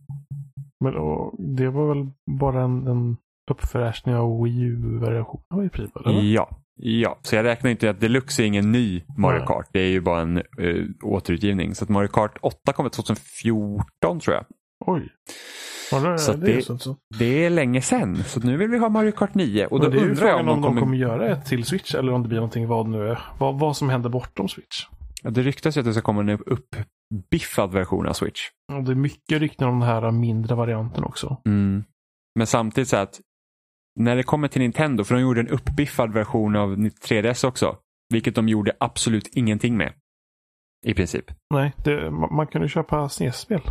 Ja, och det kom typ så här, Xenoblade Chronicles kom till 3DS, som enbart var till New 3DS. Men det är så Just att det. varför ska de liksom, de vill ju liksom inte hindra att de som har redan en, en Switch, att de inte ska kunna köpa nya spel till den. Så att,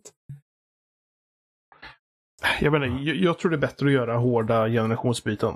Ehm, faktiskt. Så att när det, kom, nu, när det väl kommer en Switch så, så du kanske kan spela de gamla men du kan inte spela de nya på den gamla. Liksom, Mm. Ja, Ja, men det- det tror jag bakkompatibilitet men ny. Fast Jag hade de gjort en bättre. uppiffad switch så att man får lite bättre upplösning och sådana där grejer så hade jag nog köpt den faktiskt. Jag hoppas ju att nästa switch de gör, jag, jag, jag skulle ju nästan gissa på att nästa konsol från dem också kommer heta switch. Så hoppas att den heter Super Nintendo Switch. Det hade varit awesome. Mm, då kommer de ju skapa, det har vi nämnt förut tror jag, när vi skojat om detta. Då kommer kanske de släpper eh, Super Nintendo-spel på den där eh, Ja, ja. online-tjänsten. Jag vill ju bara ha GameCube-spel. Jag förstår det. inte vad problemet är. Nej, GameCube Mini, that's where it is. Där. GameCube Mini, Först ska kom vi igen. få en Nintendo 64 Mini med horribla spel. Ja, Nintendo, alltså, det var en omröstning idag på GameFAQs. De har ju omröstningar varje dag. Det är typ enda anledningen till att jag besöker den sidan, det är för att rösta i deras omröstningar. Och idag var det så här, vilket 3D Super Mario är bäst? Och Super Mario 64 leder. Och jag bara, ni ljuger. Det är enbart av nostalgiska skäl. Jag tycker, Nu tycker om, inte jag att... jag, tycker om, jag tycker om Sunshine. Det har jag spelat mycket på senare tid också. Jag tycker om det. Jag hade ju spelat Sunshine om det här faktiskt hade kommit till en modern konsol. Då hade jag jättegärna spelat om Sunshine. Jag orkar inte gräva fram mitt Wii och koppla in den och för att spela ett GameCube-spel. Och nu går det typ inte att ladda ner eh, ROMs heller på Jo GameCube. då, det, går om man, det går om man vill. det går, men det, då måste man göra lite gräv och jag är lat. Det, det Och jag måste sitta vid datorn. det har vi redan konstaterat. Det, det var är ju nog liksom en större tröskel Det faktiskt. var visst större tröskel. Eh, men det, ja, det är alltså ett... Men att Nintendo arbetar så bakvänt för att Wii var helt fantastiskt när det kom till bakåtkompatibilitet. Det var Och sen har det bara blivit sämre de- sämre. Det var liksom en av de tidiga sakerna de liksom utannonserade för. Liksom. Det- Vi, Ja. Man kommer att kunna spela alla de här konsolernas spel. Liksom. Det kommer finnas massvis med spel att köpa. Det var till och med att när jag, när jag bokade mitt Wii så köpte jag med en Classic Controller och en sån där uh, kod som man fick poäng man kunde köpa spel för. Wii Points. Ja. Det var liksom, det var, det var de sakerna jag köpte. Jag köpte inget spel. Du köpte inte Twilight Princess? Nej. Men Wii Sports fick du med väl? Ja, precis. Så kör, Mm. jag körde Wii Sport, sen köpte jag... Jag kommer inte ihåg vad jag köpte. Men jag köpte något, något Nintendo 64-spel tror jag. Ja. Ja, det var helt fantastiskt. Bara spela alla Zelda-spel på en konsol. Liksom. Mm. Det, det var liksom ett stort försäljningsargument. Och sen vet inte jag varför de liksom inte... Alltså de bara släpper det. Alltså de, de, typ, deras jävla Nintendo online-grej, Simojs med NES-spel, liksom, det som kommer dit, man måste säga alltså det här, va? Alltså, Jag vill att Nintendo ska porta mer Zelda-spel till, till Switch. För just nu är liksom... Egentligen så är ju 3DS är typ den ultimata Zelda-maskinen. ja. Du kan spela, vad är det, från f- original-Zelda fram tills Majora's Mask va? Majora's Mask, ja. Och så har du Oracle of Ages och Season-spelen från Capcom också. Oh. Så det, det, det, du kan spela sjukt mycket Zelda-spel där. Och sen har du ju den, eh, vad heter nu då, A Link to the Past uppföljarsaken. Link Between Worlds heter det va? Ja, precis. precis. Det är också väldigt bra. Ja, har jag inte spelat. Jag tycker om det. Mm. Jag har hört Oliver tycker också om det. Så det, det, där finns det otroligt mycket Zelda-spel. Inte för jag har spelat så mycket Zelda på min 3DS på ett tag, men Switchen Gud, har ju jag- tagit över. Jag kommer inte ihåg senast jag öppnade min 3DS. Den, den ligger faktiskt här bredvid mig vid datorn. Ja. T- 3DS var ju faktiskt, det roligaste jag haft med min 3DS det var faktiskt när vi åkte på spelträffar. Och man körde de här uh, Mi-grejerna. Ja. När man liksom, Vi staplade Street alla, ja, vi staplade alla 3DS för att köra Street Ja, Pass. Vi hade liksom ett bord där alla hade sina 3DS. Så såg man den lilla gröna lampan lysa så här på natten och man bara yes, Street Men Pass! det var typ absurt, för det vet jag när jag... De första tiden jag pendlade i Skövde så fick jag alltid ett gäng Street Pass när jag hade med mitt 3DS. Så det var någon på högskolan eller tåget som hade igång sin Street Pass. Vilket är helt onödigt för det ligger bara och drar ström. Ja, verkligen, verkligen. Då är man dedikerad. ja. Ja, nej, det, det är sånt, sånt är fan, alltså det är kul, men det är lite synd att Switch inte har någon sån gimmick bara för att det är kul och väldigt roligt med ja, Street eller så är det kanske bra att de har fokuserat på mycket annat istället. Fast- Ja, de glömde typ hälften av alla funktioner som borde finnas i maskinen, så att det är väl lika bra det då. Eh, Nintendo. Ja, vi, ja det kommer alltid säga fram till Nintendo, vi förstår inte. Nintendo är typ så här, Nintendo är någon som slår en homerun i baseball. Och glömmer springa. Eller snubblar. Eller snubblar. Ja, men jag är, jag är väldigt glad att det går bra för Switch för att det är, en, det är en jävligt nice konsol alltså. Ja, de verkar bra på att pusha ut att folk ska köpa alla indiespel och sånt. Mm. Ja, men de gör även bra egna spel nu. Mm, jo, men de får folk att köpa spel. Mm. Och det, det är för att, att och just att de riktar inte till barnfamiljer den här gången utan de riktar oss till vår ålder. Mm. Liksom redan den första liksom, reklamen för Switch var verkligen så här att det här är ett annat Nintendo nu. Det där är inte familjer som står framför tvn och hoppar eller liksom att man det är något så här barnkalas och folk liksom sitter och spelar på sin Switch. Utan det är så vuxna människor som tar med sin Switch på hemmafester, går ut i parken och sitter liksom vid samma Switch. Liksom det, nej, det, det är liksom, de, de träffar verkligen rätt. Ja, och det är jag, klart, jag, jag, rikta jag in sig mot de som har pengar. Om de, om de siktar reklamen till den gruppen så tror jag de får med de, de yngre också. Ja. Däremot om de siktar bara på de yngre så tror jag det är svårare att få med de äldre. Ja, även om jag tyckte att Wii-moten var klockren när den visades. Ja, ja, jo, men alltså jag tycker fortfarande liksom aspekten med en, en delad kontroll inte är helt åt skogen. Nej, nej, det är jävligt skönt att sitta och spela på... Däremot liksom viftdelarna till exempel i, i Twilight Princess tycker jag inte om. Nej. Um, men, men annars liksom så så att, liksom, att kunna sitta mer avslappnat med, med två delade handkontroller är lite intressant. Och, och, det har ju på något sätt lite återuppstått i VR-del, eh, liksom VR-delen av, av spelvärlden. Där, där mm. har du ju de här specialkontrollerna som, som Valve har utvecklat eller uh, Patient VR kör med sina Move. Ja, som i princip är Wiimotes fast uh, lite mer avancerade. Ja. Um, så, så men... delade kontroller lever i den världen, men liksom i vanliga världen där, där hålls det simpelt just nu.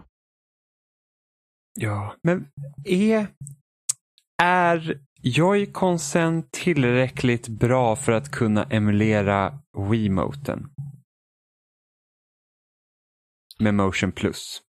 Um, ja, den har gyro i sig så den kan klara av att emulera liksom Motion Plus-delen. Mm. Den har ju dock Utan inte att du behöver ha... Men, men måste du ha sensorn då? Nej, Skyward Sword använder ju inte sensorn alls till exempel. Nej, jag, inte, inte, nej, nej det gör Den använder inte gyrot istället för att, för att sikta. Uh, för, för att det, det, kom någon intervju vid E3 där de hade frågat om hur Skyward Sword skulle fungera utan motion control och Aonuma sa att det är omöjligt att man skulle behöva göra om spelet så mycket. Vilket är lite tråkigt om det spelet för evigt skulle vara fast på Wii men då tänker jag att om de har gyro i Joy-Con så då borde jo, de väl bara kunna... Men jag tror inte att de vill... Jag uppfattar som att de, de vill inte tvinga ett spel att använda en viss typ av kontroll. Fast de gör ju det redan. Gör de det? Det finns vissa spel som inte kan använda Pro-kontrollen till exempel. Okay. Du kan inte använda Pro-kontrollen till Pokémon Let's Go. Ja. Nej, men och har alltså, du den dockad då måste du använda rörelsekontrollen. Eftersom alltså. den har, båda två har väl egentligen gyro i sig tror jag, mm. om jag har fattat helt rätt. Så, så tror jag inte det är omöjligt.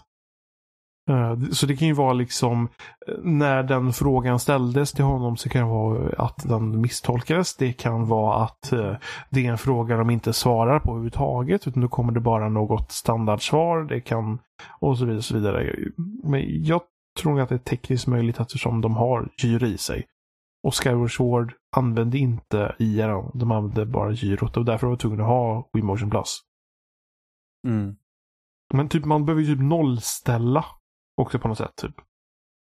Med ja. uh, Wiimotion Plusen och grejer när du körde Skyward Sword. Ja, just det. Men det borde, det borde de kunna fixa på något sätt. Säkert. De får trolla lite. Mm. Ja, jag tycker det. Ja, just det. En sak jag också tänkte innan vi, vi slutar. Uh, det här med att när, när Scarlett kommer nu mm så ska de ju fortsätta bakåtkompatibilitetsgrejen med eh, som de har byggt upp på Xbox One. Ja. Men då är frågan, skulle det faktiskt vara möjligt för dem att göra så att istället för att de måste fixa emulering på varje spel manuellt ja. skulle de inte kunna redan fixa från början så att vilket 360 och Xbox-spel fungerar direkt i skivläsaren? Så Jag tror att de, de i princip redan har det idag. Men de har kanske småjusteringar baserat på hur originalspelen använde antingen original Xbox eller Xbox 360. Eh, om de tungt använder minne på ett sätt, om de använder någon sorts eh, metod för att göra någonting med texturer eller någonting sånt där, så, så tror jag de skräddarsyr det de har. Jag tror inte de liksom har en helt custom liksom emulering för varje spel. Jag tror de har en ganska generell. Mm. Uh, men baserat på att, att spelutvecklare använder hårdvaran på så olika sätt för att, att uppnå det de vill göra. Så mm. har de gjort liksom kanske genvägar och sådana saker och då måste de anpassa den emuleringen. Så jag, jag mm. tror det är rätt så universalt idag. Um, att, och jag tror det kommer det... kanske vara svårt att göra det helt automatiskt. Nej, så att då, då, då, kanske de istället för att satsa på det då, så gör de som de har gjort nu då, så att det kommer, bli, kommer batcher med spel som de har fixat så att de funkar. Ja, och även fast de, är, de ska ju komma de sista batcherna snart väl till ja, De har redan kommit. De ja. kommer nu till E3. Mm. Så det, det kommer ju inga mer spel. Uh, ju... Nej, förrän Scarlet kommer sen. Ja, jo, men det är inte säkert att de spelen de kommer, kommer fungera på... Nej, det var därför jag undrar om de kommer göra så att okej, okay, men alla dina 360-spel fungerar direkt i skivläsaren. Jo. För att det var ju tanken att Xbox One skulle ha det från början. Alltså de, de, eftersom den förmodligen kommer vara mycket mer kraftfull. Och mm. du kanske egentligen inte behöver så mycket mer prestanda i spelen för framerate och sådana saker. För att eh, många av de mest krävande spelen till, till exempel Xbox 360 eller till original Xbox presterar ju bra. På, mm. på Xbox One S liksom. Ja, det gör de. Så då kanske de kan använda den extra kraften till att kanske hoppa över vissa saker. Så då, då kanske det är som du säger att det, de skulle kunna göra att du bara kan trycka in skivan sen och den bara köra. Ja, och sen kanske de sätter dit eh, Ja, sen kan de kanske patcha ut liksom vissa spel så att de liksom optimeras bättre. Och något sånt. Som vissa spel har ju fått nu X-patch och sånt. Fördelen med den processen som är nu är att de har kunnat, genom att gå igenom den här processen och på ett sätt halvt återpublicera spelen, som även kunnat lägga upp dem i den digitala butiken. Ja, det är det då. Det är ju inte omöjligt att de ska kunna göra det även fast de inte bör göra den här grejen. Men med det tror jag är liksom nästan som en sorts bonus till att, att de var tvungna att göra en modifierad variant som antingen köps digitalt eller laddas ner när du sätter i skivan. Mm. Ja, det är något rykte förut så här, när, när Microsoft har liksom experimenterat med hur ska det bli om de går hur, hur tar de med ett fysiskt bibliotek till en helt digital maskin? Att det skulle finnas någon inbytesgrej, att du stoppar i skivan och något och sen så läser den av och sen så kopierar den över digitalt och sen behöver du inte använda skivan alls mera. Utan du liksom för över den licensen till ditt konto typ. Nu hörde inte jag vad du sa överhuvudtaget för att eh, min, någonting hände med Discord. Ja, jag hör det. Det laggar som fan. Det låter jätteroligt. Bara, ur. jag ser det helt rätt här. Jag märker ingenting. Nej, men då, då, kanske vi ska avrunda här så får du köra din stick. Jag kan inte ens jag, jag, jag tror du sa avrunda där, men jag, jag är inte säker. Det låter väldigt roligt. Det här robot. Jäkla Discord. Nu. Men eh, jag tror att jag avtolkade eller dekrypterade i eh, robotrösten som blev lite när det hackade för oss här en stund. Att vi nog ska avrunda. Ja. Till och med Discord vill slänga ut oss. Eh, ja, vi finns som vanligt på spelsnack.com. Och där hittar ni länkar till YouTube och Facebook och RSS-flöden och alla möjliga ställen. Och vill ni lyssna på oss i era telefoner så finns vi ja, i iTunes standard, eller det heter inte iTunes längre, de ska ju ta bort iTunes väl helt tror jag. Ja, det ska väl bara bli Apple Music. Nej men podcastappen är ju sin egen grej. Ja, den kanske är redan separerad helt ja. Yes, ja, det är den. Så att uh, podcastapp. ja, så uh, podcastappen där eller ja, någon podcastapp i Android eller så. Om ni vill lyssna. Spotify finns ju också om man vill uh, samla både musik och podcast i ett ställe också. Jajamän. Ja, ni får gärna skriva till oss. Om vill mejla kontaktetspelsnack.com eller eh, förnamnet spelsnack.com eller skriva oss till oss på Twitter. Eller spelsnackpodd heter vi där. Ja. Vi finns överallt och ingenstans. Vill ni nå oss så kan ni det. Det kan ni. Loading.se också. Ny yes. tråd för varje avsnitt.